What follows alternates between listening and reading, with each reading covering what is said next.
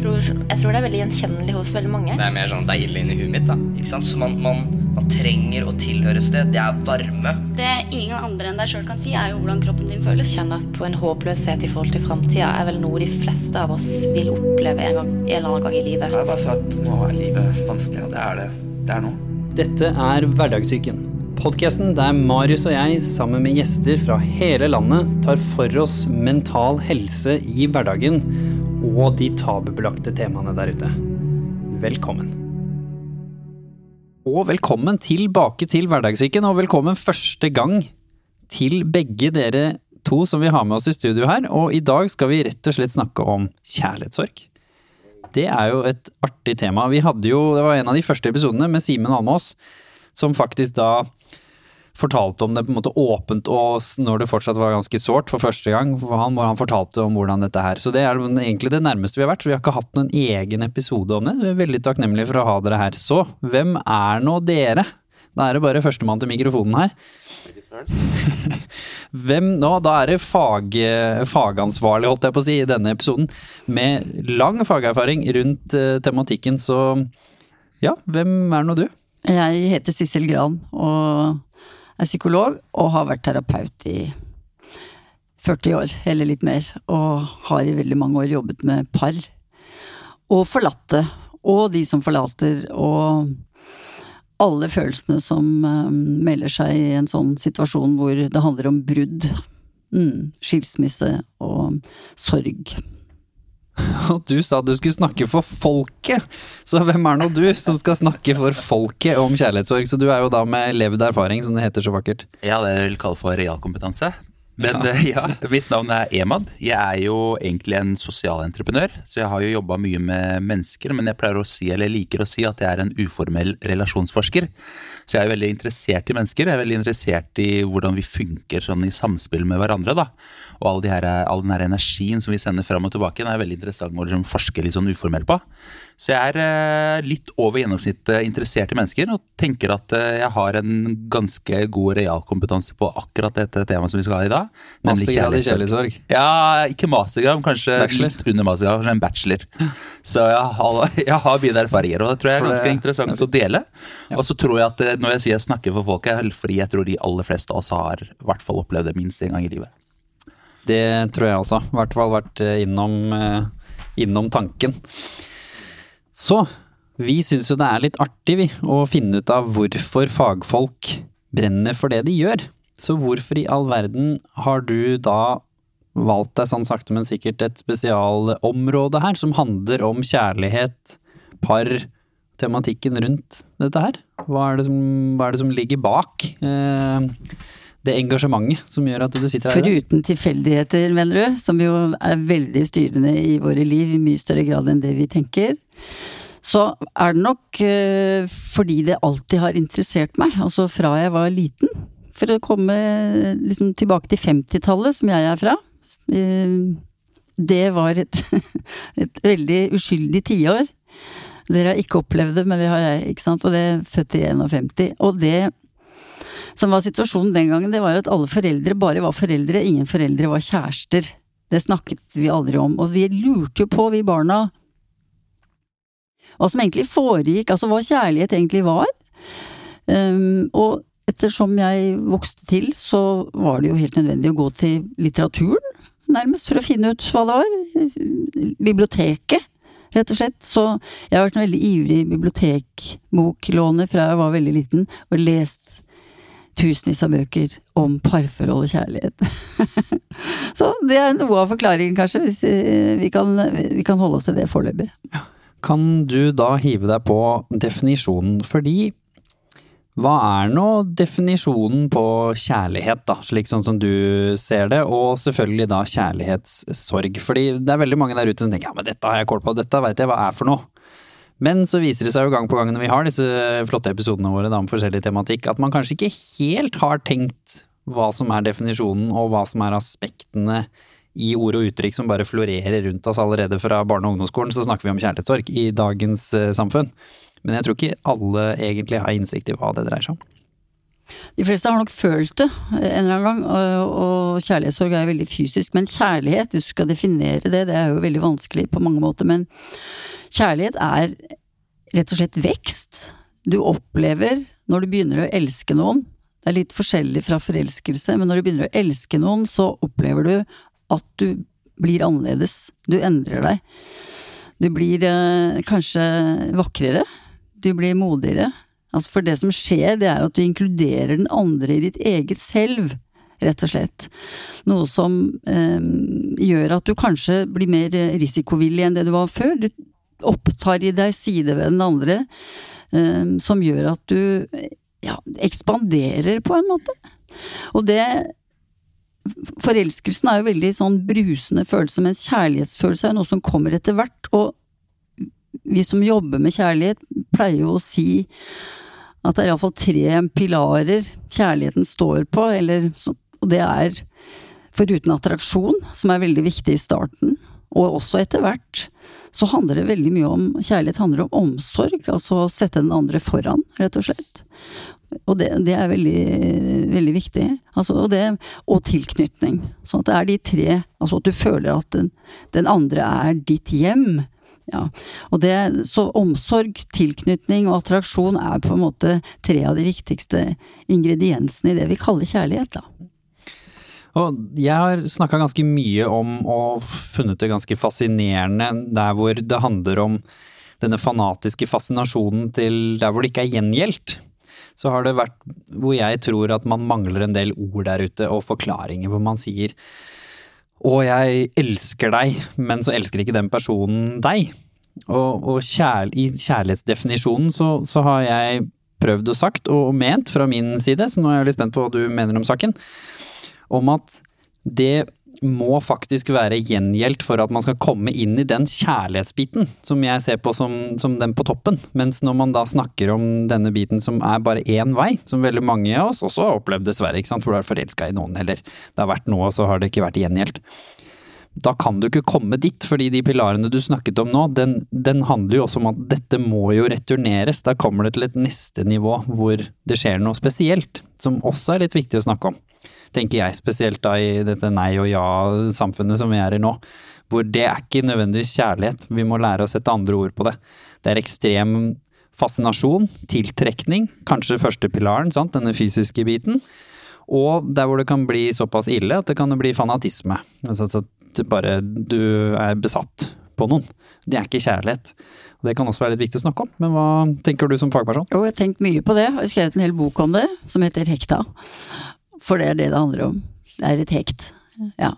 Og det er jeg veldig enig med deg. Uh, mange kaller det jo ulykkelig kjærlighet, vi kan godt kalle det, men den formen for kjærlighet, da, som, som er verdens verste kjærlighet, egentlig, som du beskriver, som er altså en ikke gjengjeldt uh, voldsom fascinasjon eller, eller hva altså, Det er rett og slett en slags besettelse.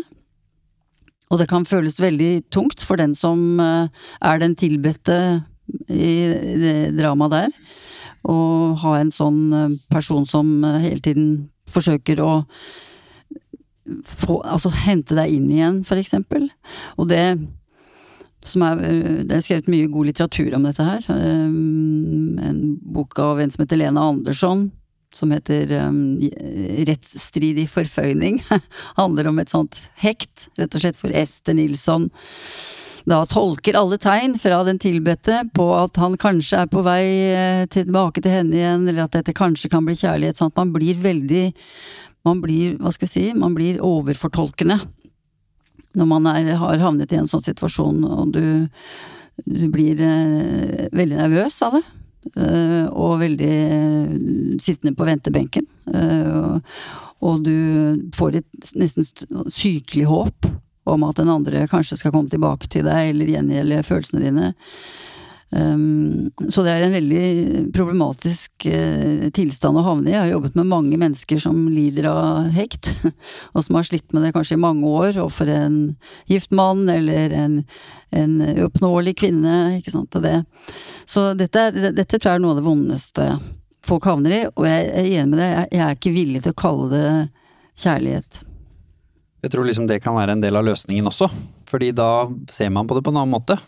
For da ser man jo også at det her kanskje er det jeg som må gå inn og håndtere noe. Det handler ikke om at tid kan legge sår, eksempel, som det kanskje gjerne gjør da, ved kjærlighetssorg. Gjerne når du treffer en ny, så forsvinner jo kjærlighetssorgen nesten litt av seg selv, på en måte. Selv om hvis den er alvorlig, så må den jobbes med. Mens hekt, den har jo ikke den effekten, fordi den binder jo i noe annet kognitivt og emosjonelt i oss. Så det er derfor jeg tenkte at det er fint å skille mellom de to også, før vi tar episoden eh, videre, selv om det også er jo en sorg, selvfølgelig, på et eller annet vis. Men jeg vil ikke nødvendigvis kalt det kjærlighetssorg, hvis du da har vært fascinert eller forelsket i noen, og så ble ikke det gjengjeldt, og så sitter jo du igjen med en sorg. Men det er en annen type sorg, ikke jeg. Så, folket. så da er jo selvfølgelig det store spennende spørsmålet eh, hvorfor er du her i en episode om kjærlighetssorg? Så da rett og slett kan du jo dele din eh, kjærlighetssorg, da, rett og slett, med oss. Jo, takk, Jimmy. Jeg er jo først og fremst her fordi jeg fikk en hyggelig invitasjon. Men eh, jeg tenker jo at som jeg starta med i stad, at eh, kjærlighetssorg er vel Nå ble, nå ble, vi kanskje litt uenige om forskjellen på det og hekt, men jeg tror iallfall at eh, de aller fleste av oss som har levd litt på denne planeten, har opplevd eh, dette. Eh, og inkludert meg selv. Så jeg eh, Altså, jeg jo Jeg er 32 år nå, og jeg har, må si at jeg har opplevd det kanskje to ganger i mitt liv. Da jeg følte på virkelig kjærlighetssorg. Eh, eller at jeg gikk og var på en måte lei meg på grunn av, basert på at jeg hadde følelser for noen mennesker. Og det startet egentlig helt i første gangen som jeg opplevde, var jo rett og slett i tiende klasse på ungdomsskolen. Da hadde jeg ei, eh, ei, på, ei i klassen min som het Monica, og jeg får, får lov å si navnet hennes, for jeg har fortalt henne om det. så hun, eh, Monica var den her jenta som egentlig de aller fleste hadde lyst på og hadde ønsket å være i, i et forhold med. Og Monica var jo veldig sånn hva skal det, Hun var jo lukka person var liksom litt vanskelig å lese av. Og jeg eh, gikk jo på den tida og hadde jo veldig lite selvtillit, på lik linje som veldig mange tiendeklassinger, og var jo livredd for å fortelle noen som helst om mine følelser. Så jeg gikk jo og var forelska, eller hadde sterke følelser i hvert fall, for Monica i nesten et halvt år, uten at jeg turte å si et eneste ord ta. Og i tillegg så ble jo den altså den tanken ble forsterka fordi jeg så tenkte Monica, she's way out of my league. Så jeg har jo ikke sjans i det himmelen. Hvorfor skal jeg gidde å gå og drite meg ut og fortelle henne det? Jeg vet jo resultatet, utfallet kjenner jeg godt til. Så gikk det et halvt år, og etter et halvt år så husker jeg dette nå. Så da kom det en dag hvor jeg bare sa til meg, vet du hva. Nå må jeg bare manne meg opp. Nå skal jeg si det. Nå orker jeg ikke å gå og føle på dette her mer. For det var ganske slitsomt. Så jeg bestemte for å manne meg opp og si til Monica, fortelle at jeg er glad i deg. Og da husker jeg på, på, den tid så hadde vi en ungdomsklubb. Eh, det var da i Larvik. Jeg er jo opprinnelig fra Larvik. Vi hadde en ungdomsklubb som var, eh, det var hver fredag. Og da møttes egentlig alle ungdommene der. Og da hadde jeg bestemt meg at eh, i, i, kveld så skal jeg møte Monica. Jeg skal ha på meg de fineste klærne, ha den beste parfymen, Tommy Hilfiger. Og så skal jeg møte Monica og skal fortelle henne hva jeg egentlig føler. Så kommer jeg da til ungdomsklubben og finner ut at Monica ikke er der. Spør jeg venninne spør jeg, hvor er Monica. Hun er ikke her i dag. Vet hvor hun er. Og da sier hun jeg tror hun dro, på, hun, dro til, hun dro til byen sammen med en venn som heter Isak. Som er også en klassekollega. Og da tenkte jeg ja vel, så typisk, den ene dagen jeg skal si fra, så er hun ikke her. Men vet du hva, nå har jeg bestemt meg, så jeg skal fortelle henne det første jeg skal gjøre mandag morgen når vi kommer tilbake på skolen. Kommer jeg mandag morgen på skolen, og kan dere gjette hva som skjer da? Hva er det første nyheten jeg får? Jo, selvfølgelig, hun og Isak er blitt nå kjærester, og nå er de sammen. Og da kjente jeg liksom den her virkelig sorgen, litt sånn som du fortalte om, uh, Sissel, akkurat. Det her at det altså, var kniv i hjertet. Altså rett og slett. Jeg har sittet og vært redd for å si fra i så lang tid, og når jeg endelig skal fortelle det, så var det litt for sent. Det var liksom én kveld for sent, rett og slett. Så da endte det rett og slett med at jeg ikke turte å si noe mer om det. Og så gikk det mange år, var lei meg, jeg skulka mye eh, på den tida. Mye av skoletida var som da var jeg ute, uten å fortelle det til foreldrene mine. Og nøyaktig et halvt år senere så sitter vi og har da en eh, klasseoppgave, og da kommer jeg tilfeldigvis i gruppe med Monica. Og det er liksom litt sånn karma for det tilbake. Og da sitter vi der og prater egentlig om fag, og prøver plutselig forteller meg Du, Emad, jeg må fortelle deg en hemmelighet som ikke er så hemmelig. Å, hva da? Så sier hun Visste du at jeg har vært forelska i deg helt siden niende klasse? Hæ?! helt seriously! Sier jeg, hvordan da? Da sier han nei, jeg har jo gitt deg masse tegn, jeg har prøvd å fortelle deg det, jeg har fortalt venner, de, altså hele skolen vet om det, bortsett fra deg. For du var jo så idiot, du skjønte det aldri, tok aldri hintet. Og så har jeg liksom gått hele den tida og tenkt fader, hun var jo forelska i meg, jeg tok ikke hintet, og jeg turte ikke å si hva jeg føler. Og så var det for sent nå. Og så mista jeg liksom kanskje livskjærligheten. Vi var jo sammen med Isak i mange år senere. Og så sitter jeg nå, liksom det leksa som jeg har lært, av moralen i det, at eh, når du får en sjanse, så ta den, ikke vent. For da kan det hende at jeg kanskje hadde vært sammen med Monica ennå. Liten sånn å hoppe inn på den, fordi det som er spennende før vi fant ut at Monica også var forelska i han, som er en, en, enda en smekk i ansiktet, men det er jo en egen sorg i å føle at du ikke lykkes med å fortelle det. Fordi det er nesten skumlere å vite at du ikke vet svaret, enn å få svaret. Sant? Du var redd for å spørre fordi du, var, du, trodde du skulle få at dette funker jo ikke. Du skulle få smekk i ansiktet, ikke sant? som veldig mange av oss har kjent på når vi er unge. Og når man er ung, så har du jo ikke fullt utvikla perspektiv engang. Men hva slags type sorg kommer når du skjønner at du har vært for seint ute? Når du fortsatt lever med det lille håpet, og du fikk jo til og med bekrefta håpet, at det kunne jo ha gått veien. Så du fikk jo beskjed om at hvis du hadde spurt, så Kanskje du hadde vært sammen med Monica. Hva slags sorg er det? Jeg tror at det er sånn um, Jeg kan tenke meg at du ble litt sint på deg selv. At, uh, at du tenkte at for en idiot jeg er, her, har, uh, her hadde jeg muligheten. Og den glapp. Og så uh, Jeg så ikke Jeg greide ikke å tyde signalene hennes. Jeg var blind, altfor redd, altfor selvsentrert for lite opptatt av å se hva det var hun forsøkte å signalisere til deg, altfor opptatt av ditt eget indre, ikke sant? Som man jo er når man er veldig ung.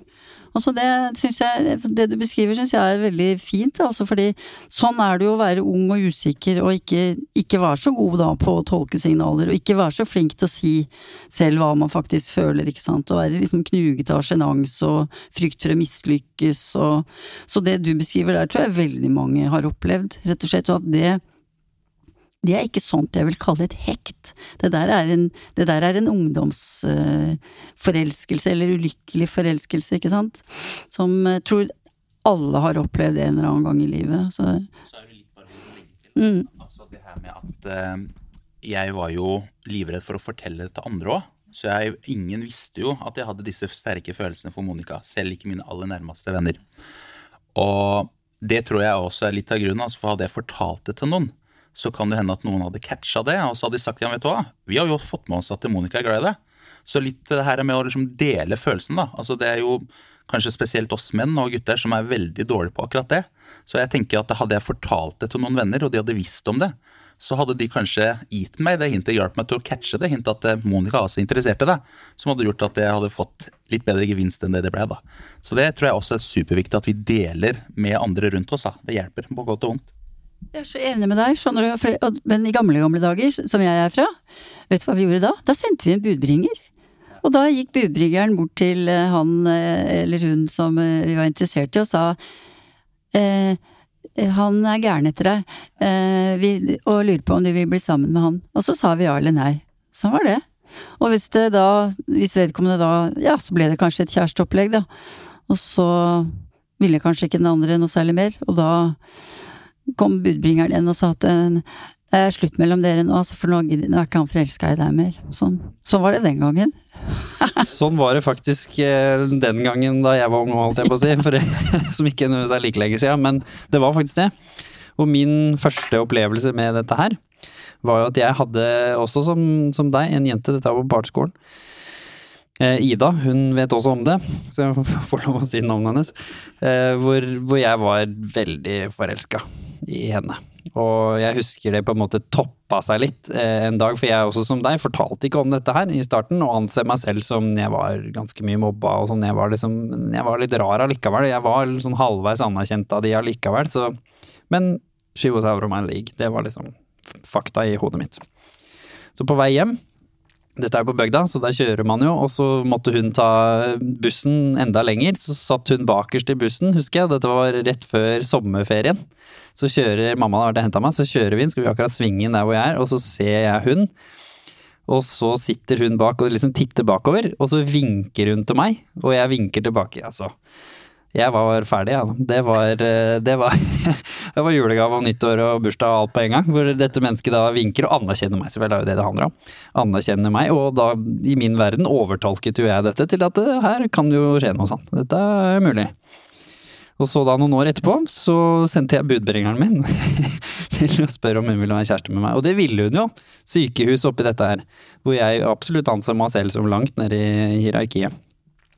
Men så kom det jo til det der med å sette de andre foran. Det var litt morsomt når du sa det. jeg, Som sagt, jeg er et barn her. Dette er på barneskolen. Jeg var jo et mobbeoffer, og en av de få stedene jeg følte meg trygg, var på fotballbanen. Så jeg spilte jo fotball hvert femte sekund i friminuttet, for det var der jeg var trygg, og var der jeg presterte.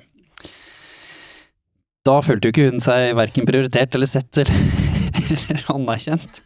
Så hun da, i en av mine traumatiske øyeblikk som barn, marsjer ut på fotballbanen midt under kampen, foran alle sammen, og klapper til meg og slår opp.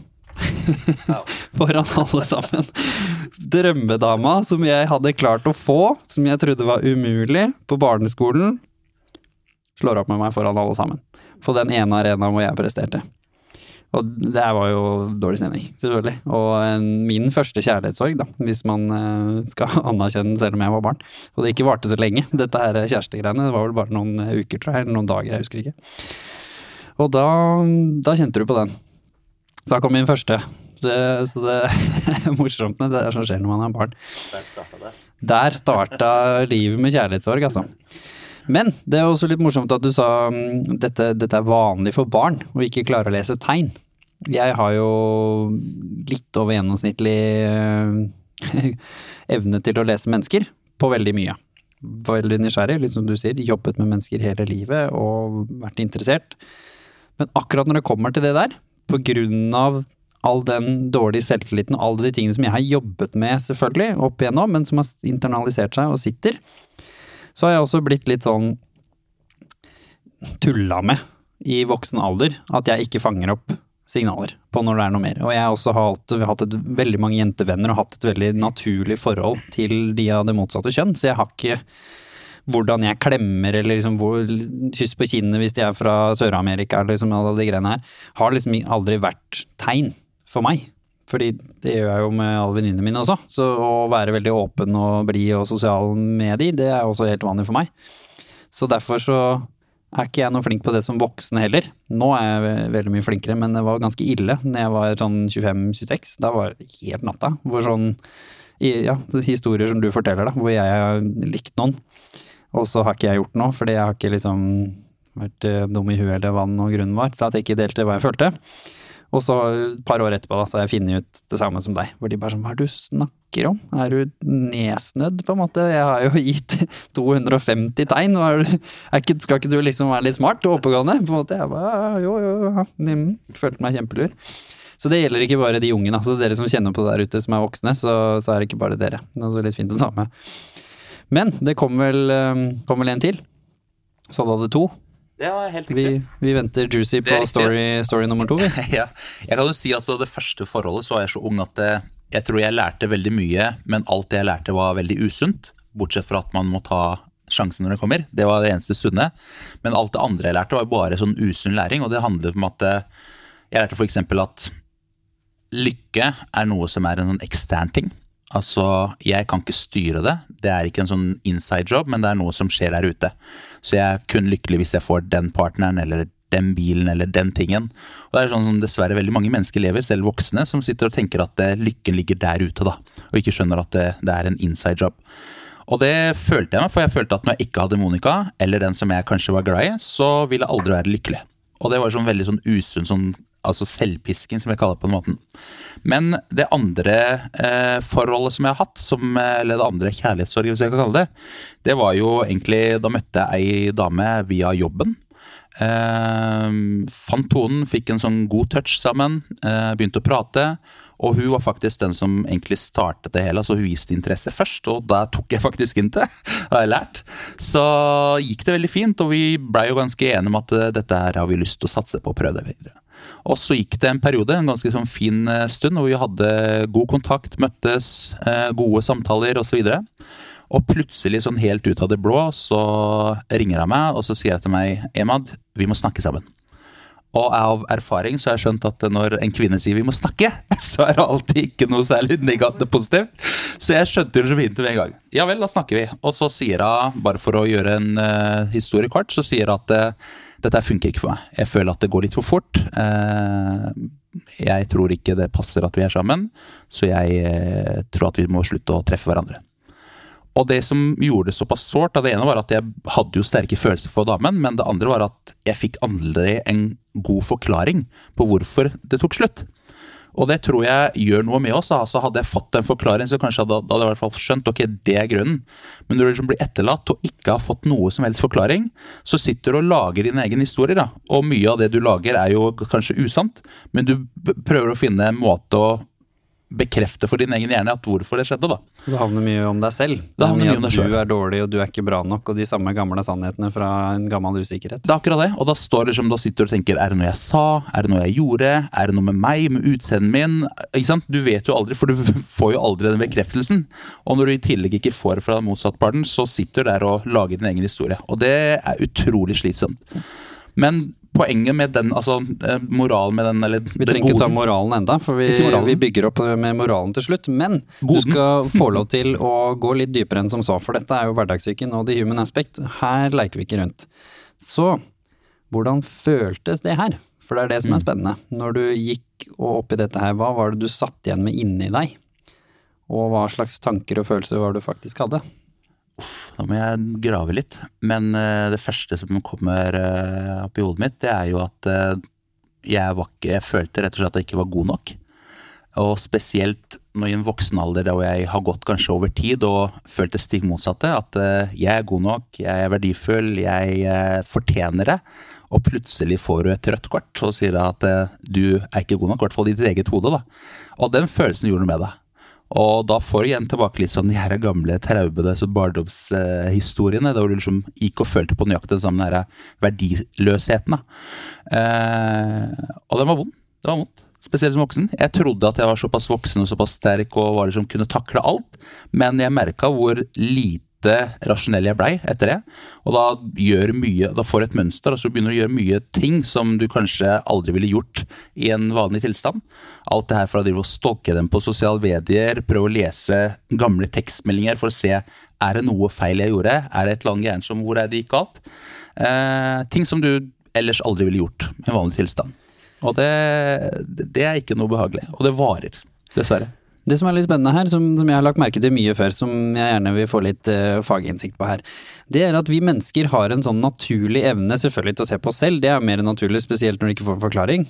Og den forklaringen da kunne jo hatt noe med henne å gjøre, men her vet du ikke, så spinner det opp historier. Men det er den derre fascinasjonen om at du tror at små ting betyr noe for noe så stort som kjærlighet. Hvor du tenker sånn Jeg sendte én feil tekstmelding.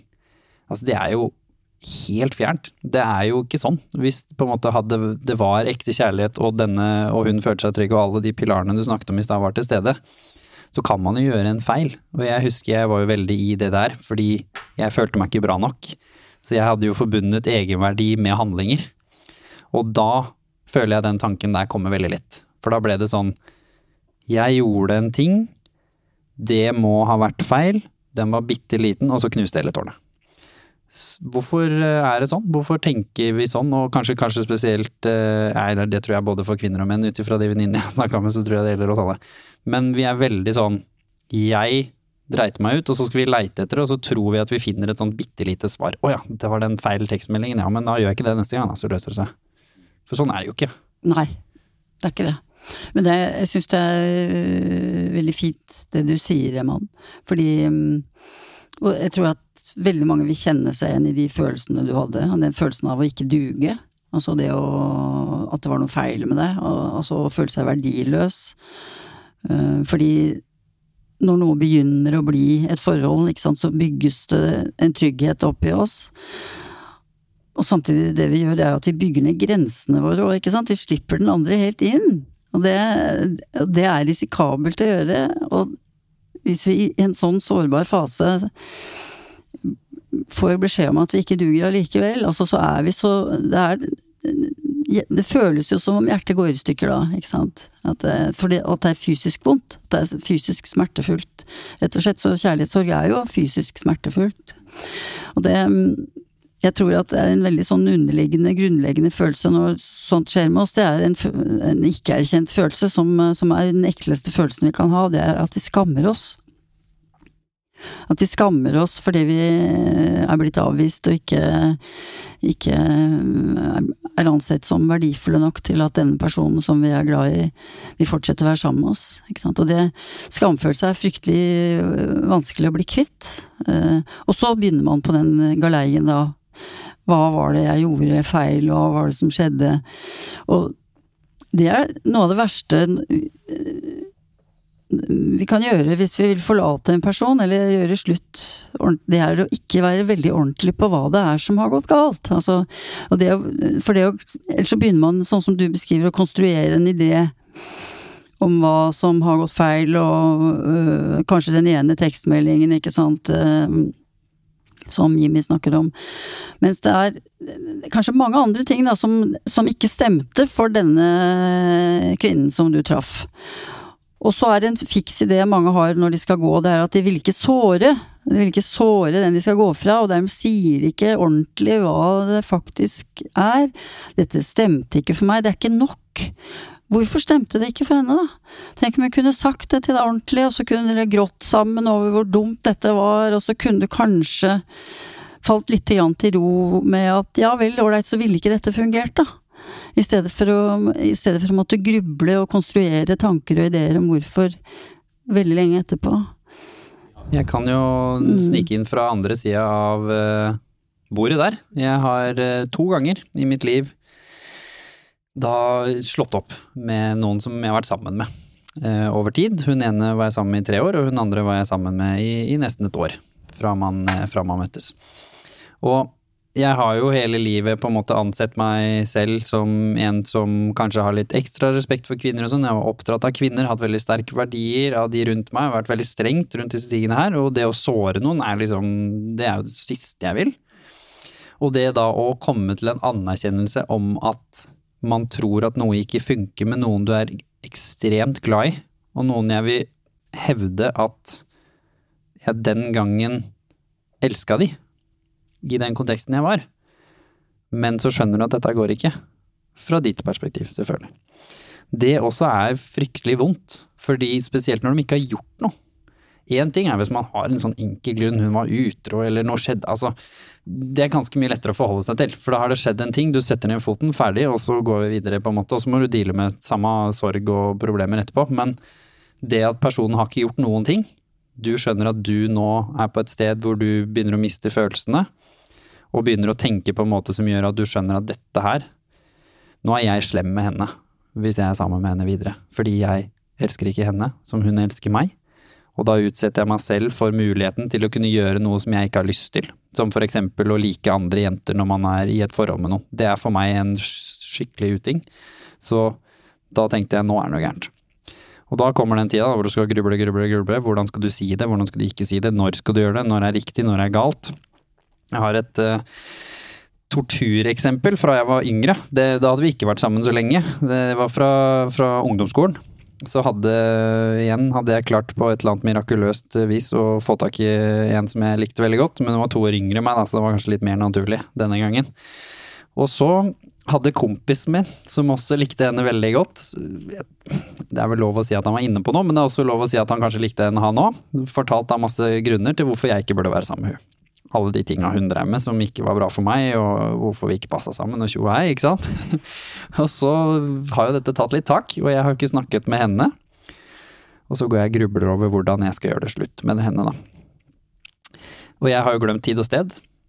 Helt. Og går opp og sier, ringer og sier vi må snakke sammen. Da har vi ikke snakket sammen på en uke, tror jeg. Noe sånt. Og det var jo veldig uvanlig, en sånn forelskelsesfase. Dette var jo noen eh, måneder inn. Og så går jeg og slår opp med henne på bursdagen hennes. Mm. For det hadde jo jeg rett og slett ikke fått på meg i denne prosessen. Det går veldig fint eh, nå, som sagt. Det var bare noen måneder inn dette her, og hun er jo eh, holdt på å si lykkelig gift og kjempefornøyd. Ikke gift, men forlova. Så det går fint. Men det var jo bare et eksempel på hvor fjern man kan bli når man er inne i sine egne, egne tanker. Og, men den andre gangen, som var jo mer alvorlig, fordi det var jo, vi hadde vært sammen i tre, og vi bodde sammen i et år og hadde da altså de praktiske tingene. Det var den der med å kjenne på at ja, jeg må forklare, og samtidig deale med det du sa, jeg vil ikke såre. Fordi hvis grunnen er som den var for meg. Jeg føler ikke at dette går. Jeg føler at jeg blir en storebror. Jeg føler at eh, jeg har vokst såpass mye siden vi møttes, på grunn av kontekst og ting hun ikke hadde noe som helst med, som gjør at nå nå funker det ikke. De gangene vi havner i utfordringer og samtaler og ting, så er ditt liv på vei den veien der, og du tenker og mener eh, på noe som gjør at eh, jeg blir en storebror, og jeg liker ikke den jeg er når det skjer. Det var litt vanskelig å forklare, men jeg klarte så godt jeg kunne å forklare det. Det var selvfølgelig Jeg tror hun så det som lyn fra klar himmel, selv om jeg i etterkant mener at det har vært tegn i form av mindre kontakt, mindre lyst, mindre kjærlighet, mindre liksom fysiske ting. Alt dette her. Men det kan jo være en million andre grunner òg, for jeg sa det jo ikke underveis. Jeg lufta det ikke. Jeg lufta ikke at det begynte å skli, som er jo min lærdom eh, i dette, men vi skal snakke om lærdommer etterpå. Og så sa jeg det, og så ble hun knust. Eh, absolutt. Og heldigvis klarte vi fortsatt å snakke sammen, og vi bodde sammen i noen dager før vi fikk ordna opp i ting. Og det ordna seg, det òg. Men den der biten med å forklare, det tror jeg er utrolig viktig. Å tørre. Og også ta det ansvaret. Hvis du slår opp, da får du ta det ansvaret med å forklare, og så får du stå for det. Selvfølgelig ikke si noe noe stygt eller noe, noe, sånt om andre mennesker, fordi det burde jo være litt fjernt hvis du har likt denne personen, men i hvert fall tør å gi de en dypere forklaring enn bare du det gikk for fort. Ikke sant? En klassisk dårlig, dårlig forklaring. Sant? Gi heller da en forklaring på at vet du hva, det her gikk så fort frem at jeg kjenner på at jeg er ikke klar for et forhold. Eller jeg liker også en annen kar. Vi må jo snakke om det i 2020 òg, hvor vanlig det er å date to-tre stykker samtidig. Vi snakka med noen av de yngre i teamet her uh, om det her om dagen, og de bare Dater du bare én av gangen? Så de på meg og er sånn Er du gæren? Det var liksom, hva er det du snakker om? Selvfølgelig, ja, selvfølgelig gjør jeg det. Og så sa jeg at det var forskjell på dating og det å møte noen. Da sa jeg ja, du kan gjerne møte noen, men med en gang det da blir en date, eller at man kysser noen eller noe sånt, da, i min verden, så stenger hun ned alt annet. Og da sier du fra til de andre. Flott person, kult å treffe deg, men nå er det et eller annet som har skjedd med hun andre. Og så får du ta ansvar for det til det er ferdig, og så får du eventuelt ringe hun andre igjen da, og si du, det gikk ikke det der, så kanskje ikke den smarteste strategiske planen, men heller det. Så da ble jeg mobba for det. Så det er jo i en verden også hvor vi lever nå, hvor vi er så redd for å bli stengt ned, eller å bli stoppet og ikke få det som vi vil. At nå skal vi jo gjerne ha en tre-fire, apparently, da, ifølge disse unge i teamet. Ikke alle, selvfølgelig, men noen av de. Og det er vanlig, og det er anerkjent. Så hva er det liksom som har skjedd med kjærligheten i 2020? Det er jo en annen uh, samtale, men Så ja, forklaring viktig. Og også viktig å tenke at det er ikke Hvis det ikke har skjedd noe, så er det veldig vondt å såre noen andre, og anerkjenne for deg selv, først og fremst, at dette forholdet som vi har satsa på, begge to, det gikk ikke veien. Det er selvfølgelig like mye min skyld som hennes skyld eh, etterpå. Og da er det ekstra vondt å anerkjenne at du feila selv. Og nå må du ta ansvar for det, fordi jeg kan ikke være sammen med hun i ti år. Og så kunne hun egentlig ha funnet noen andre, som hun har nå, og ødelegge livet hennes bare fordi jeg er for feig til å fortelle henne hvordan jeg egentlig har det. Måte. Så eh, kjærlighets... Eh, kjærlighetssorg.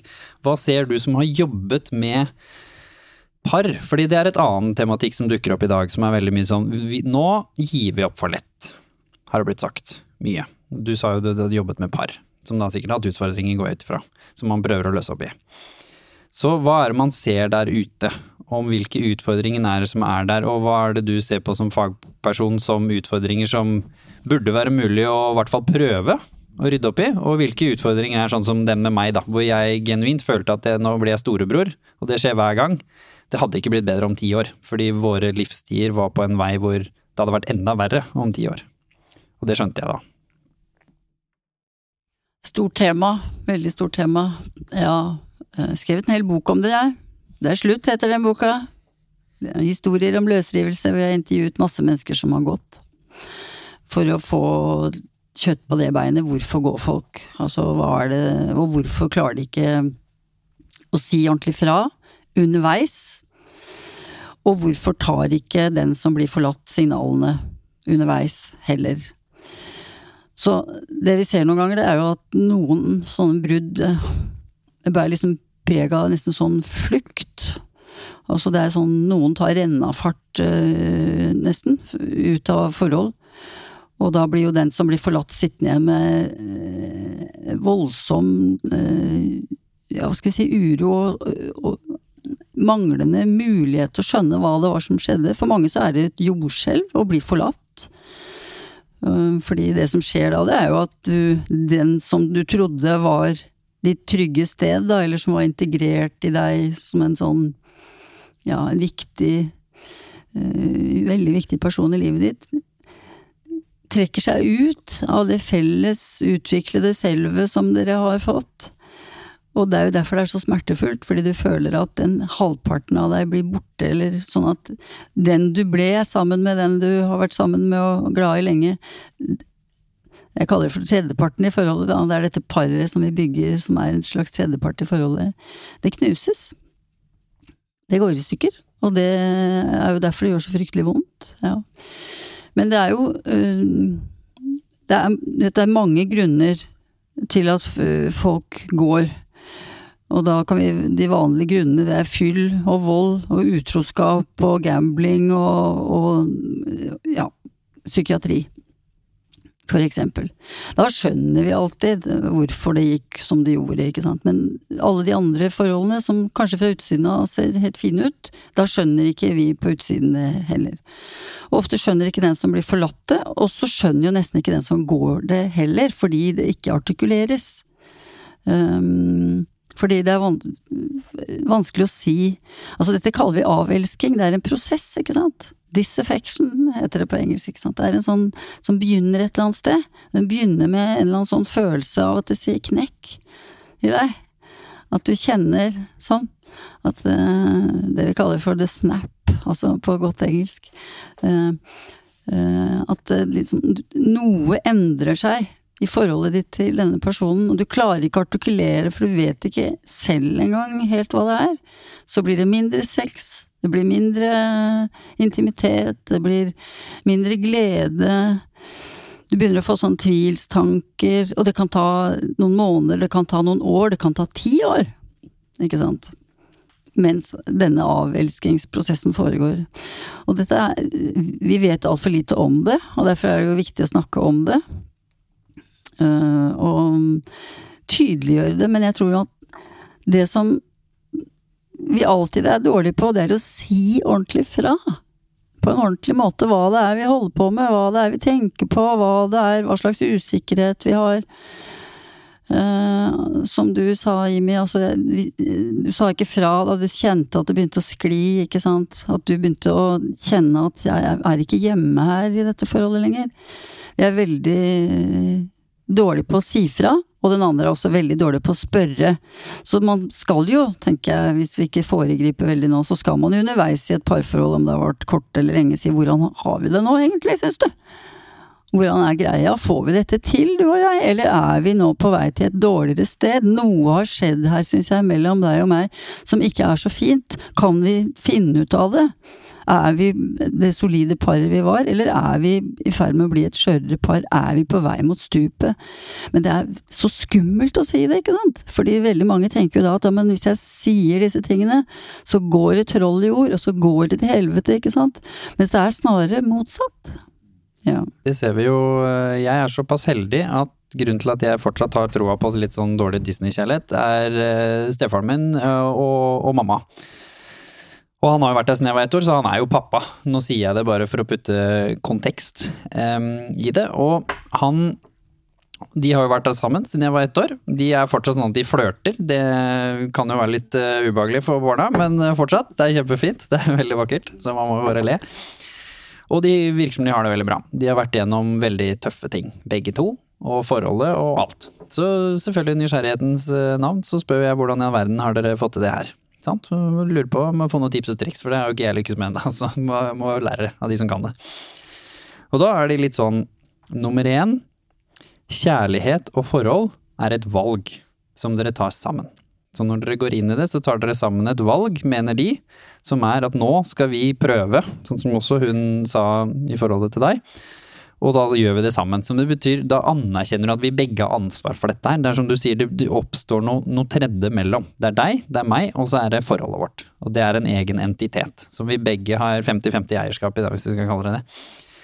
Og da må man ta ansvar for det. Det er et veldig godt utgangspunkt. Og så sier de ja, løsningen er kommunikasjon, kommunikasjon og kommunikasjon. Hvor de da var veldig tydelige på det. Og så fortalte de da at en gang hvor det hadde vært veldig vanskelig, og hvor de var litt sånn Nå er vi litt usikre på om dette går veien. Så hadde de da ikke sagt det i starten, da. Og så hadde den av de som kjente på det, sagt ifra. For da var det veldig tøft. Da var det mye eksternt som skjedde. Det var mye med, det var noen sykdommer og det var noe greier og dill og dall, som skjer av oss alle. Og så sa de ifra. og så fant de ut at den andre parten hadde tenkt litt på det også, og så gjorde de konkrete grep, som var å f.eks. dra på sånne små kjærlighetsferier. Dro på hotell til Oslo f.eks., og var der en helg, selv om da det på en måte Jo, men det er jo litt unødvendig, ja. Ja, men gidder vi det, ja. Vi bor jo bare en time unna, det er jo litt dyrt. Kan jo lage middag hjemme, kan vi ikke det? Ikke sant? Det er jo de der klassiske dustesvara som vi har. Istedenfor at de fikk lov da til å ta seg en liten kjærlighetspause og stikke av fra unger og alt mulig, og late som de var et annet sted. Uten å gjøre det overdreven dyrt. Dra til Farris bad, for sant? i Larvik, for å bruke en av dine gamle hjemtrakter. Fordi jeg vet også et annet vennepar av meg har gjort det. Dratt dit, eksempel, på en sånn liten miniferie. En helg, da. Og da har de lykkes med det. Så det tenker jeg er eh, et godt eksempel fra de som har lykkes så langt, i hvert fall. På det her. Men så er det jo litt spennende å høre da fra, fra deg. Hvordan var denne kjærlighetsavlæringen for deg? For hvordan klarte du da faktisk å til slutt anerkjenne og akseptere at hun var jo ikke den rette for meg, og, og komme til et punkt at du sakte, men sikkert vil jo være åpen og, og mulig til å kunne se etter andre, da. Mm. Veldig fint at du spør. Jeg bare tenkte litt på det her du sa nå. Det, du fikk jo et fint tips av uh, dine foreldre om at, uh, at det er et valg. Og det er veldig fint å understreke det. Jeg pleier å holde en del foredrag på skoler for elever. Der hvor jeg snakker om eh, klassemiljø og hvordan skape et godt klima. Og da er det første som jeg sier til dem, som de blir veldig overraska over når jeg sier, jeg sier til dem at læreren deres har ikke ansvaret for at du skal trives på skolen. Og da får jeg et skikkelig sånn vantro blikk. Og hæ, det er jo selvfølgelig er jo læreren, det er jo han som er sjefen. Så sier jeg nei, de skal tilrettelegge for at det, det, skal skapes et godt klima, men det er du som har hovedansvaret for at du trives her. Og ikke nok med det, men du har også hovedansvaret for at de rundt deg også trives. Så idet du tar ansvar for at jeg har det bra, så er sjansen mye større for at du vil faktisk trives på skolen. Eller i et kollegium på jobben. Arbeidsgodt arbeidsklima skapes jo ikke av sjefen, det skapes jo av de folka som er med i det samspillet. Og den største fella vi kan gå i, det er å gå og tro at du er grunnen til at jeg ikke har det bra.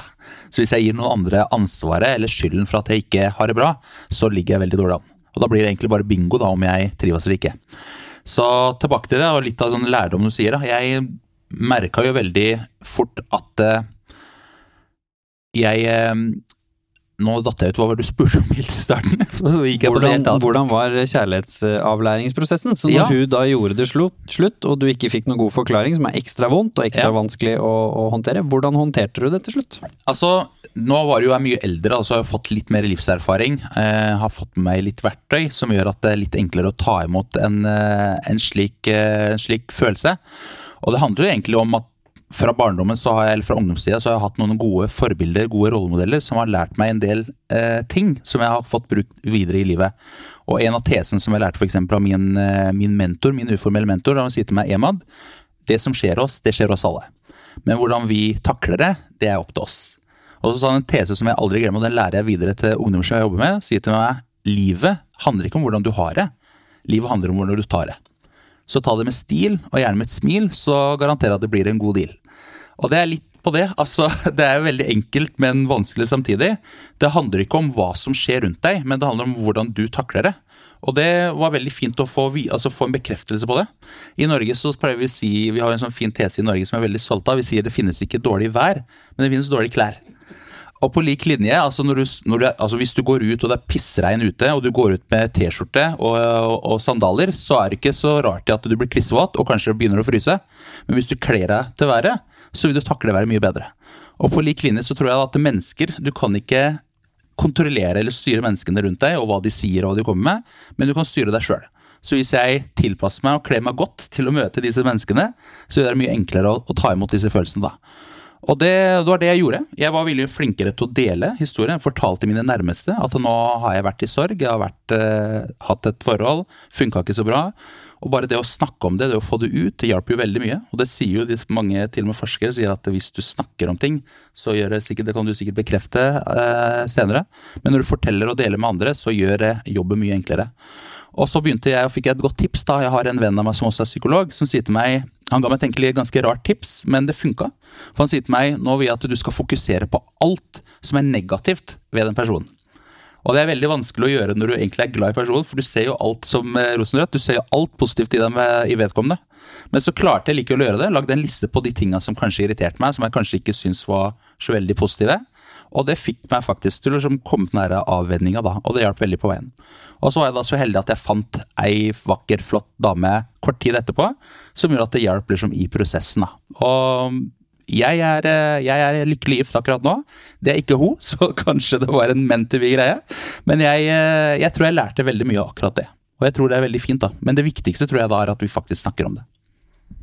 Ja, Kan ikke du fortelle litt, eh, Han sa jo at du skulle fylle på her og komme med litt innsikt på, på det ene som han sa. Kan du begynne med det? Når du glemte det? Ja, for der er det mange ting. Det er, det er veldig, Hiv deg altså, på. Hva har du lyst til å si? Ja, det, tenkte også på det du, som vi ikke må la helt glippe helt, det der med hvordan mange i dag lider av hva skal vi si, overbelastning når det gjelder å ha altfor mange å forholde seg til. Ja, for, så de klarer ikke å lande. Det kaller vi for uh, valgets uh, paradoks, ikke sant. Og det er jo det som er slitet for veldig mange yngre i dag. Men da, da, det, er, det, er, et annet Da er vi i Tinderland, og det er en annen podkast, ikke sant. Det er et annet, en annen tematikk. Ja. Men, men når, det, når man skal ut ut altså, For jeg, jeg, må jo si, Emma, det er jo veldig viktig å få lov til å sørge. Det er jo veldig viktig å, å si til seg selv at nå har jeg lov til å være lei meg, og jeg har lov til å være lei meg lenge. Fordi jeg tror nok at omgivelsene jeg er jo veldig ivrig på at folk som er lei seg og sørger at de skal komme seg på veien igjen, og at de skal slutte å, å henge med nebbet og liksom Det er massevis av fisk i havet, det er veldig mange sånne dårlige råd, ikke sant, fra omgivelsene når man er lei seg og har mista en kjæreste som man var glad i. Ikke fordi vedkommende døde, det er nesten lettere, men det som er ille, det er jo når en kjæreste du hadde er lykkelig sammen med en annen der ute i verden og utilgjengelig for deg. Det er jo det som er så fryktelig med, med kjærlighetssorg, ikke sant. At eh, vedkommende er der ute.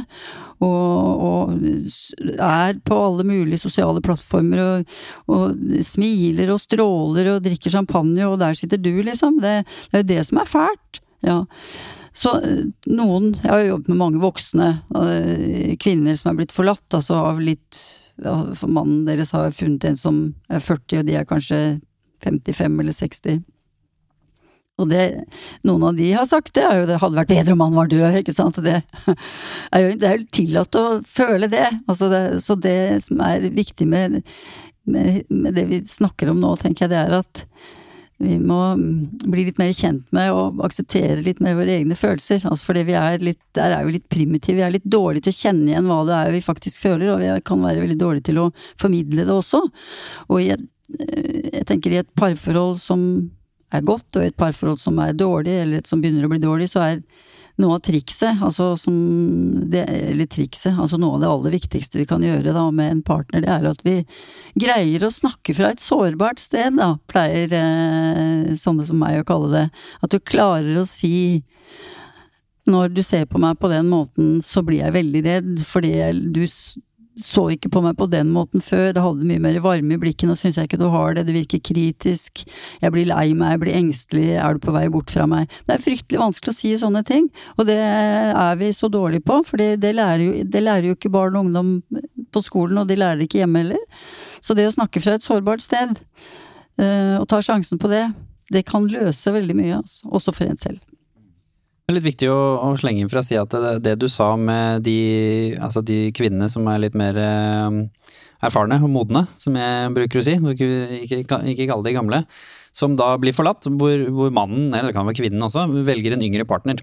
Det gjelder jo også generelt selv om alderen er det samme, for de velger en annen partner, som kanskje da har en element ved seg som du ikke har, den er like vond å håndtere. For eksempel hvis du kanskje har lagt på deg litt, da, og så går de fra deg, og så finner de da selvfølgelig den stereotype sixpack-duden. Eller da en person som du for eksempel hadde små pupper, da, som en, som en jente, som jo, kan jo være sårt for mange, og så finner da partneren sin seg en eller annen som har silikon, da, bare for å liksom eh, overdrive for effekt.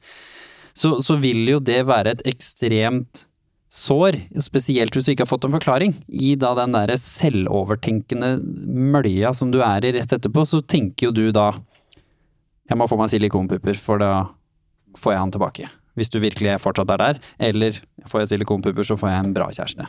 Og så blir man helt sånn tullete banal. Eller sånn nei, nå går jeg på bare gymmen nå, så, så ordner det seg. Fordi det var det som ødela forholdet. Som igjen er jo fjås. Når man liksom ser på kjærlighet i det store bildet, så vet du at det er jo mye mer komplekst enn sånn. Det er jo aldri en bitte liten brikke. Så det betyr jo ikke at det, det absolutt uh, kan jo være toppen av isfjellet, det. Hvis liksom forholdet sklir og alt og gubben har slutta å ta vare på seg. Så til alle dere der ute, det er ikke tegn til at det er uh, positivt. Men det er jo ikke én ting. Og Nei, det kan det like mye skje for unge, da. Og, og, den er dramatisk, den der, når du, partneren går fra noen, og det gjerne er én attributt som du ikke har, som finnes i den nye, da. Mm. Det kan gjøre noe med det. Altså, det er veldig vanskelig for mange selvfølelse å håndtere nettopp det, ikke sant. Det, og det tar tid å kanskje begynne å tenke annerledes og konstruere en annen historie, da. For, for det det du skal gjøre når du blir forlatt, det er jo at du skal begynne da på ditt eget verdighetsprosjekt igjen, ikke sant. Du skal, du skal begynne å fortelle en historie om hvorfor dette skjedde, som kanskje ikke handler om at du ikke dugde, men som kanskje handler om at uh, den andre altså, Det er lov å slutte å elske noen, da. Det er tillatt, uh, egentlig. Men jeg tror at um, et sånt mantra som kan være viktig å ha med seg når man uh, Hvis man er forlatt, eller hvis man Ja.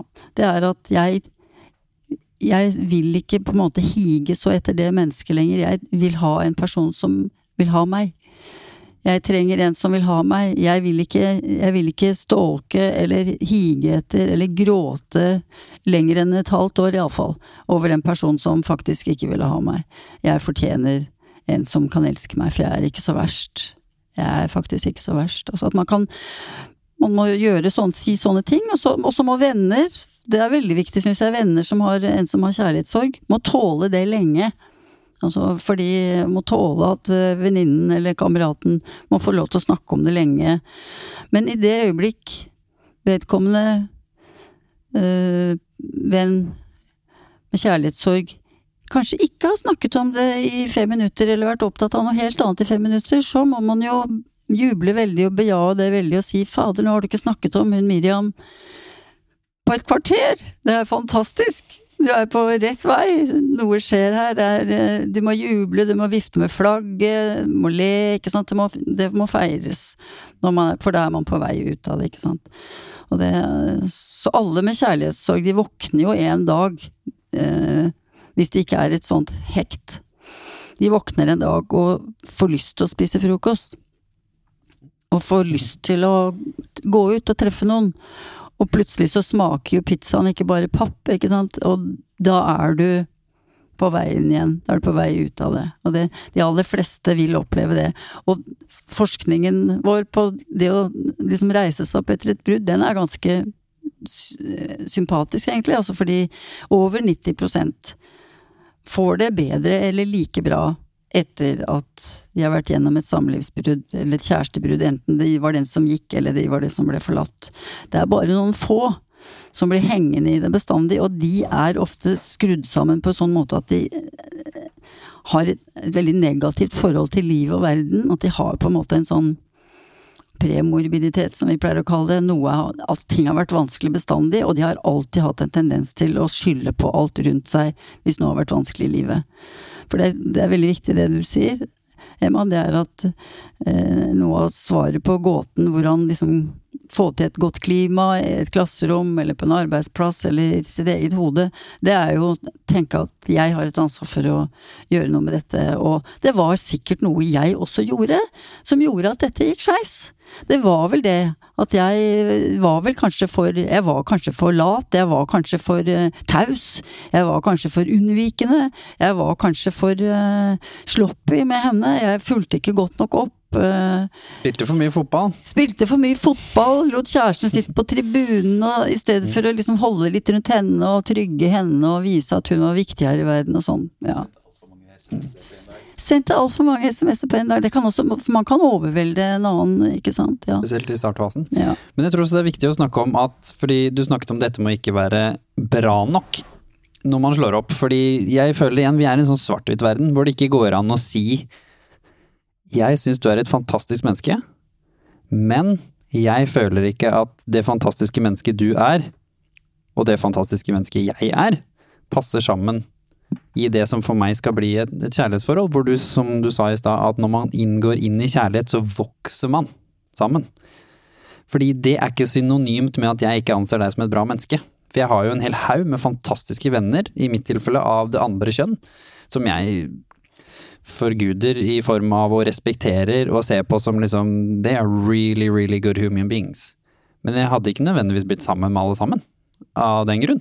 Og det gjelder jo de fleste av oss, hvis vi tar det spørsmålet. Ja, ja, ta de tre topp menneskene av det motsatte kjønn som du liker i livet ditt. Alle har jo det. Så blir det sånn, ville du blitt sammen med alle de? Nei. Så hvorfor skal det alltid liksom være svart-hvitt? Og jeg tror det er veldig viktig å snakke om det. For da blir det lettere å ha den samtalen, hvor du faktisk Og man må lære å akseptere den sannheten også. At hvis noen sier at du, tror ikke vi to blir i veien, dette gikk litt fort og dette går ikke så handler ikke det om at du har gjort noe gærent, eller at du er for dårlig, og at hun nå går og finner en annen som er høyere opp enn deg. Hun finner en annen som er annerledes enn deg. Og det er to helt forskjellige ting. Som da ikke tar med liksom en liten chunk av selvtilliten din, eller selvverden din, i prosessen. For da blir den kjærlighetssorgen veldig lang, da, tenker jeg. Og det som også tenkte var litt eh, spennende at du snakker litt om her, da, er jo hvordan Hvordan skal man nå da håndtere dette her da, på en best eh, mulig måte, og faktisk klare å komme til det punkt at man tenker dette lærte jeg noe fra. For det er jo gjerne next level. Når du snakket om at vi må ha kjærlighetsavlæringen her, så kommer man inn i den prosessen, må få lov å kjenne på det. Vi må snakke om det. Det er jo også selvfølgelig både for å få perspektiv, for det er jo veldig sjelden det subjektive moroa som får opp i huet ditt, det er sånn det egentlig ser ut. Men hva nå, etter det? Hvordan skal man sitte igjen med en litt sånn følelse av at, vet du hva, sånn som jeg genuint gjør med de to forholdene jeg hadde, jeg lærte masse. Lærte veldig mye, og det vet jeg begge de to gjorde også. Som forhåpentligvis gjør meg til en den personen jeg skal være, når denne hva nå enn kjærligheten i fremtiden dukker opp for meg også. Så hvordan skal vi lære? Også et veldig stort spørsmål. Ja, det er interessant å spørre deg da hva du lærte, egentlig. Altså, og du lærte sikkert at eh, det lønner seg å si fra om ting, eh, og ta temperaturen på forholdet litt underveis. Altså, jeg lærte mye. Det første jeg lærte, som en sånn spesiell lærdom, er at jeg ønsker å finne noen som ikke trenger meg i det hele tatt. Jeg har alltid vært et menneske som er veldig opptatt av å se potensialet i andre mennesker og, og, hjelpe til og bistå og booste folk til å vokse, og meg selv også. Så det kan jeg ha liksom ha kludra litt til, da, inn i kjærlighetslivet mitt. Hvor jeg da kanskje har funnet mennesker som kanskje ikke har vært på sitt beste akkurat der og da, men jeg har sett potensial i dem. Og nå som jeg snakka ganske mye med her om dagen, som også er litt fascinerende, jeg har jo hele livet følt at jeg ikke har blitt forstått. Det har vært min store problem. Jeg er en alien på jorda, sånn, for å sette det på spissen. Og når du da endelig møter noen som anerkjenner en del av deg som kanskje ikke har blitt anerkjent på en stund, så hadde jeg en tendens til at da gjorde jeg det om til at nå har jeg endelig funnet den personen. Og da blir du veldig ivrig. Sant? Da, da, blir det overveldende for den andre personen, enten den vil eller ei. Uansett hvor mye fantastisk de syns du er. Så det var det som var veldig viktig for meg å lære. Å få større ro rundt det. Og finne en som De har det skikkelig bra, de. sånn som det er. Singel, og alt er bra. Og så kommer jeg, og så tenker de oi, han var spennende. Hva kan vi skape sammen, som du sa, som vi kan vokse inn i? Men jeg trenger ikke han fyren der. Klarer meg fint, jeg. Ja. Og det samme må jo jeg tenke om meg selv. Ikke sant? Jeg har det kjempefint Nå har jeg veldig lyst til å si noe, altså. Ja, men altså, for å sette det på spissen, selvfølgelig. Fordi det den personen tilbyr, er jo absolutt noe du trenger. Og jeg ønsker jo kjærlighet pga. foreldrene mine over, eh, over det meste. Men ikke praktisk sett, og ikke emosjonelt sett. Det er ikke et hull i meg eller et hull i henne som skal fikses av at jeg kommer inn, eller hun kommer inn. Fordi det er en, i min verden opplevelse som et feil sted å starte forholdet på, da. Fordi da, med en gang det hullet da er fikset, så kan det jo hende at den andre personen, ja, men han trenger jo ikke han lenger. Han var jo ikke det jeg skulle ha. Men han var jækla fint å fikse det hullet, på en måte. Som også kan jo være et eh, problem, sant? Eller vice versa. Når jeg fiksa hullet, så var men det var jo ikke sånn du skulle være når hullet var fiksa. Dette bomma jeg jo, ikke sant? Fordi man ikke anerkjenner eller elsker den personen som de er. Den derre klassiske ah, but you're really good, but like you have 10 left. ikke sant? De 10 av det fikser jeg, vet du. Da er du drømmemann eller drømmedama. Den der klassiske makeover-historien som vi så på barn, ikke sant. Med den hun jenta med brillene som ikke hadde kløpt seg, og så kløpte hun seg, så fikk hun en fin eh, kjole, og så så hun jo ut som prinsessa, ikke sant. Den derre skjulte Det er jo ikke sånn det funker i virkeligheten. Nå er det mye du har lyst til okay, å si, ja, jeg har det. For nå, nå snakker det moderne mennesket. Nå snakker den moderne mannen 'jeg skal ikke måtte trenge noen'. Det er litt farlig det, vet du, fordi det er et hull i oss alle.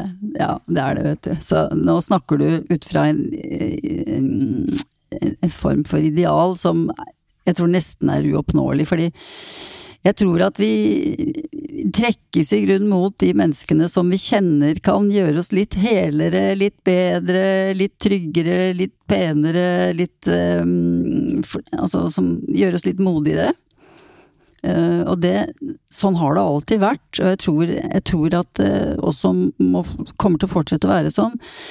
Men jeg syns at jeg ser at veldig mange i dag, opp til, altså fra 15 år opp til 40 iallfall, og kanskje mer, er ekstremt opptatt av, og når de presenterer seg for, for mulige drømmedamer og drømmemenn, så er det via en sånn 'jeg trenger ingen'. Du skjønner, jeg har det så bra i min singeltilværelse, og jeg er bare ute for å treffe folk og liksom snuse på verden, og du er jo kjempehyggelig, og kanskje vi skulle ta en kaffe til eller en øl, og, men jeg er helt, står helt på egne bein, altså. Og det er en sånn eh, hm? Ja, dette, ja, det er en fasade, det er klart det, men det er også tidens melodi. Altså at du skal underspille din kjærlighetslengsel ganske kraftig, altså, for du skal ikke virke verken needy eller pågående eller, eller avhengig av noen andre, eller du skal klare deg selv og liksom Så det er en slags litt skummel selvforsynthetsideologi ute og går som jeg syns du skal bruke tid på å ta kverken på i dette programmet, eller i denne podkasten, denne rekken av podkaster, fordi det hullet der, det er i oss, altså. Men vi må bare vite det, for du skjønner, du kan jo være så needy som bare det, bare du er klar over at du er det. Bare du er klar over at du kan jo si det til han eller henne, og husk på det er ofte det samme kjønn nå, ikke sant. En ung mann kan elske en ung mann, og en ung kvinne en eldre kvinne, ja. Men det er Og heller si det, da, på daten. Du, jeg er virkelig på leting etter uh, en hjertens kjær, altså. Jeg er uh, egentlig litt sjuk etter kjærlighet og hatt noen dårlige forhold. Jeg er dritlei av å være singel, jeg hater det som pesten. Jeg er møkka av å komme hjem til den dumme, kjedelige leiligheten min. Jeg har ikke en katt engang, for jeg er så redd for å bli avhengig av noen, liksom. Men jeg skulle veldig gjerne ønske at du og jeg kunne bli jævlig avhengig av hverandre og få til et dritfint kjærlighetsforhold. Og går det an, har du det litt sånn, eller sitter du bare og er en sånn mann som ikke trenger noen ja, ja, og det er det de er så redde for. De er så redde for det. Men du vet at hvis du er så redd, så kan du jo ikke, du kan jo ikke ha det mennesket, da. Hvis den personen er så redd for å Da må du jo si at jeg er ikke en sånn som klamrer meg. Jeg kan både ditt og datt. Jeg kan bruke en drill, jeg kan kjøre bil, og jeg kan lage mat, og jeg kan stryke, og jeg kan alt mulig, jeg. Men jeg trenger virkelig en god kjæreste. Sånn er det med den saken. Som kan hjelpe meg litt på veien. Det er nok mellomtingen uh, også, fordi jeg er nok heldigvis ikke stereotypen, uh, stereotypen der.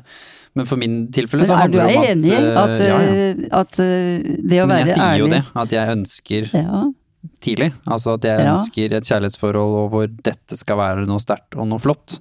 Og hvor det, det er virkelig noe jeg har ønsket Mm. hele tiden. Og for all del har en lengsel til når man går hjem og sitter Mm. alene. Mm. Men det er ikke et emosjonelt traume som trenger en healing, som har på en måte vært min eh, utfordring. Og at jeg hadde såpass hull i min selvtillit, min egen selvtillit, at for mange år siden, som gjorde at det var viktig for meg å passe på at jeg ikke ble offer for det igjen, på en måte. Eh, Og selvfølgelig en annen eh, spennende sak med å gå fort og sakte frem, er jo at det å gå fort frem og skremme noen, det tror jeg de fleste har vært borti. Men det å gå sakte frem og befriende noen, som, eh, som jeg hadde mm, VM i her en stund, det er jo en annen greie. At man da er såpass kognitivt bevisst på å ikke sende for mange meldinger, hvordan spillet funker, og nå må jeg ikke være for needy, nå må jeg ikke si for Oi, shit, dette var jo superspennende. Liksom, det kan du ikke si på date én, det må du si på date tre. Det er jo 1, 2, 3 hvordan lykkes i 2020, ikke sant. Den boka finnes jo. Hvor jeg tulla det til andre veien, da. For noen år siden. Hvor jeg traff noen som var kjempebra, men jeg var så kognitivt til stede i strategien rundt det, og ha evnen til å være sånn også, at det, det fikk jo ikke naturlig vokse. Ikke sant? Det, det ble et kontrollert eh, forskningsprosjekt nesten, ikke sant? det er jo helt krise. Hvor jeg var så heldig og fikk snakke med den personen etterpå, faktisk. Hvor hun da sa det, da. Hvor jeg spurte liksom ja, hva, hva skjedde her? Bare for av nysgjerrighet, for jeg var så lei av å bli friendzona. Eh, hvor hun bare, vet du hva. Det gikk jo så sakte framover, og det virka som du var redd for å gå inn i et forhold. Og det var jo ikke. Så det var jo det som var mest fascinerende oppi det hele. Var at hennes tolkning av det var at han fyren her, han, han tåler jo ikke forhold. For han her går jo så sakte fram. Mens jeg skulle være sånn overrespektabel, for jeg hadde hørt at du er du for ivrig, så stikker de av. Ikke sant? Han har noen venner. Dårlig råd. Så hva tenker eh, du, for nå er du jo lykkelig på plass. Så hva var det du tok med deg? Som du tenker eh, de som har kjærlighetssorg der ute, da. Fordi nå må vi jo restore some hope før vi pakker sammen her. Ja. Hva, hva er liksom håpet i at eh, det er mulig å ha grov eh, kjærlighetssorg, som det virka som du hadde, og faktisk ende opp med, som du også påpekte så fint i stad, i det du nå anser som flott kjærlighet uten sorgen? Jo, takk. Jeg, eh, altså, jeg tror at det er veldig fint å minne oss på, å minne oss selv på at uh, sorg er ikke en sykdom som skal kureres. Det er veldig viktig. Så som du sa, Sissel, det må ta sin tid, og det er greit. Og de følelsene du føler, selv om de er vonde, så tror jeg de er veldig viktige å ha. De er veldig fine å ha. Jeg har jo vært så jeg har jo vært så heldig å både fått kjærlighetssorg, men jeg tror også jeg har kanskje bidratt til at noen andre har fått kjærlighetssorg basert på eh, ting jeg har sagt og gjort. Og jeg kunne aldri sette meg i situasjonen før jeg opplevde det selv. Så jeg tror det skaper en empati i oss, da. At vi føler på disse sterke følelsene som gjør vondt. Det er ikke greit å være der for alltid, men det er greit å kjenne på det en gang iblant for å få liksom den empatien og sympatien hos andre, da. Og det tror jeg er veldig greit å få. Så det lærte jeg. Eh, og så tror jeg kanskje noe av det viktigste jeg lærte, som er grunnen til at jeg nå er i et lykkelig forhold. Jeg er med ei flott dame som jeg mest sannsynlig kommer til å være med resten av livet. Forhåpentligvis. Eh, og litt av grunnen tror jeg er at jeg fant ut etter det siste bruddet, er at jeg må slutte å prøve å finne den rette. Men jeg prøver, må heller prøve å fokusere på å være den rette. For jeg tror veldig mange av oss har jo nettopp det fokuset. Jeg må finne en god venn, jeg må finne en god partner, finne den gode jobben, finne lykken. Men hvis jeg fokuserer heller på å være den rette, være en god partner, så tror jeg du finner det overalt. Da kommer det litt av seg sjøl. Du tiltrekker deg mennesker og profiler som matcher din profil. Da. Det, det er jeg en levende eksempel på, at jeg har jo funnet deg. Så det tror jeg er viktig. Ellers så er det det ikke så mye å si. Jeg tror det er veldig fint. Jeg tror Man må bare gå igjennom det. Føle på disse følelsene. Og det kommer jeg til å lære veldig mye av. Jeg hadde aldri vært den jeg er i dag hvis jeg ikke hadde blitt eh, trist og lei meg og fått den kjærlighetssorgen som jeg kanskje har fått tidligere. Og du, Sissel, hva ser du på som din eh, lange og brede erfaring, eh, både fra suksess i eget liv og, og forhåpentligvis hjulpet en del andre, til i kjærlighetssorgen? Hva tenker du er en to-tre ting du vil minne folk på? Det kan selvfølgelig også være ting som allerede er sagt, men som du ønsker å forankre litt eh, mot slutten her, for å klare å håndtere en kjærlighetssorg som du sier, ikke for å kurere den, men for å komme gjennom den på en god måte. Jeg syns jo egentlig eh, at du sa det veldig fint. At uh, hvis du ikke hadde hatt den kjærlighetssorgen, ikke hadde kjent på de følelsene, så ville du vært et fattigere menneske. Fordi nå vet du noe som du ellers ikke ville visst. Som har gjort deg til en mer empatisk person, ikke sant. At, og at du, at du har denne the man in the mirror. Altså, løsningen ligger litt der. Altså, hva, hva, hva kan jeg by på? Um, hvordan kan jeg være en god partner, en god kjæreste for en uh, kjæreste? Hva jeg, og hva er ikke så bra med meg? Hva, jeg, hva må jeg um, kanskje um, være litt forsiktig med? Så den, den selvforståelsen som du, som du formidler, syns jeg er veldig fin. At, um, og det er vel det som er noe av problemet, tenker jeg, for mange i dag. Det er at det er altså Følelsesbevissthets forståelsen er litt lav i befolkningen, for å si det sånn. For det er veldig mange eh, vil ha stor nytte av å bli litt mer kjent med sitt eget eh, følelsesapparat og sine underliggende, mer grunnleggende følelser, som tristhet, sorg, skam. Eh, og, og, ikke være så redd for det. Eh, at eh, og ikke, så, ikke tenke kanskje når man er gjennom, er midt oppi en kjærlighetssorg, for det er jo et stort problem for mange. De tenker at sånn kommer det alltid til å være. Ja, de tenker at jeg kommer aldri ut av det, men de kommer ut av det. De kommer ut av kjærlighetssorgen.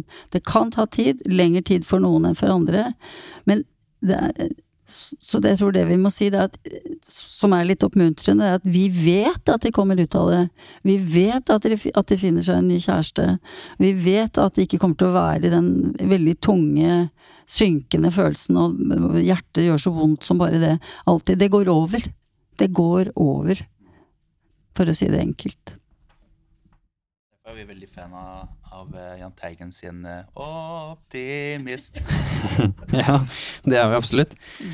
Og så, ja, litt min siste tanke er den derre um, ta åpenheten til et nytt nivå. Det er klart at uh, gjennom The Human Aspect de siste fire årene, så har jo um, min emosjonelle åpenhet uh, fått en del utfordringer som har gjort at man har jo lært seg å snakke om ting på en helt annen måte, som nesten har eh, blitt så åpent at folk blir litt sånn satt ut.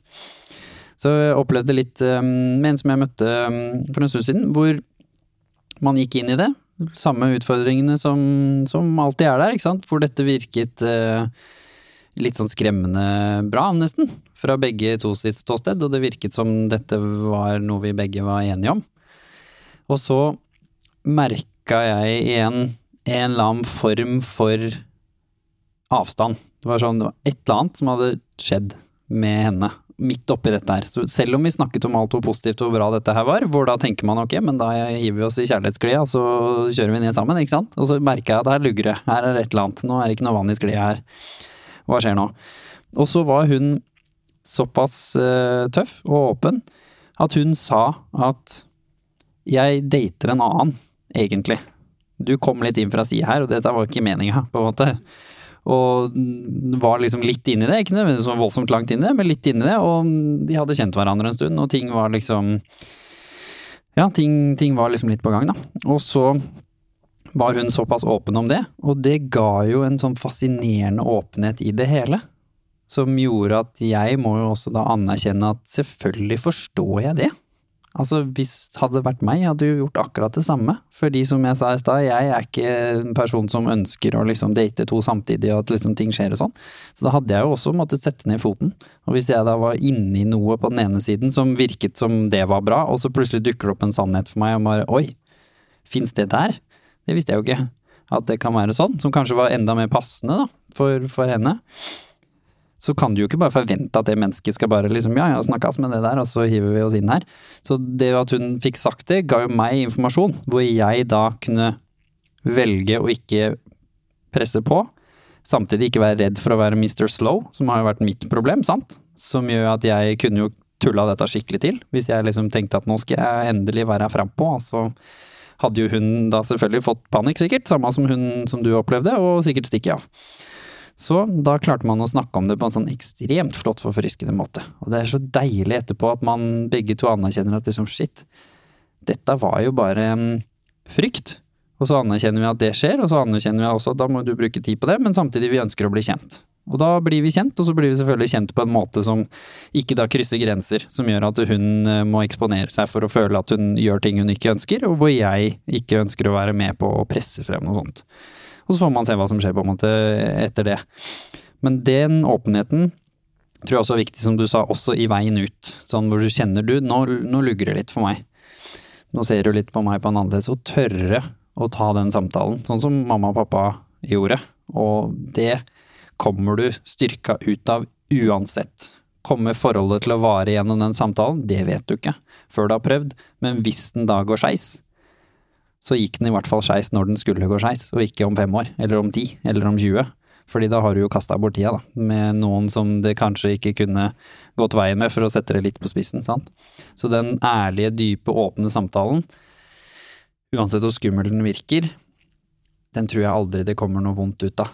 Hvis du da, det du trodde var drømmen går skeis, eller det du var inni langt går skeis, ja, men da hadde det gått skeis en eller annen gang. Igjen, kjærlighet handler ikke om de bitte små tinga. Det er ikke én feil samtale, én ting du sier, eller en tekstmelding for mye eller for lite.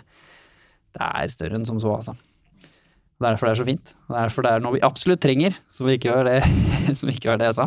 Men det er absolutt noe vi trenger, og noe jeg virkelig ønsker og håper å finne som deg. Ikke minst, og som dere. Begge dere to er jo godt inne med ringen eh, planta på fingeren, så um, her er det, her er det nakent foreløpig. Så skal vi vi får fiksa opp i det. Tusen hjertelig takk for at dere kom. Veldig, veldig hyggelig å ha dere på besøk. Tusen takk til dere som hører på. Og fortsett å sende inn hva dere vil vi skal snakke om. Tips til gjester, fordi dette er selvfølgelig deres podkast. Vi kunne hatt denne samtalen her på en kafé og vi, så hadde ikke trengt å ta det opp. Men så gjorde vi det, da. Kos dere. Ha det bra. Takk til Susan òg. Sitter snikende på sida her og tar videoer og bilder til dere som er hjemme, sånn at dere får det med dere. Vi snakkes.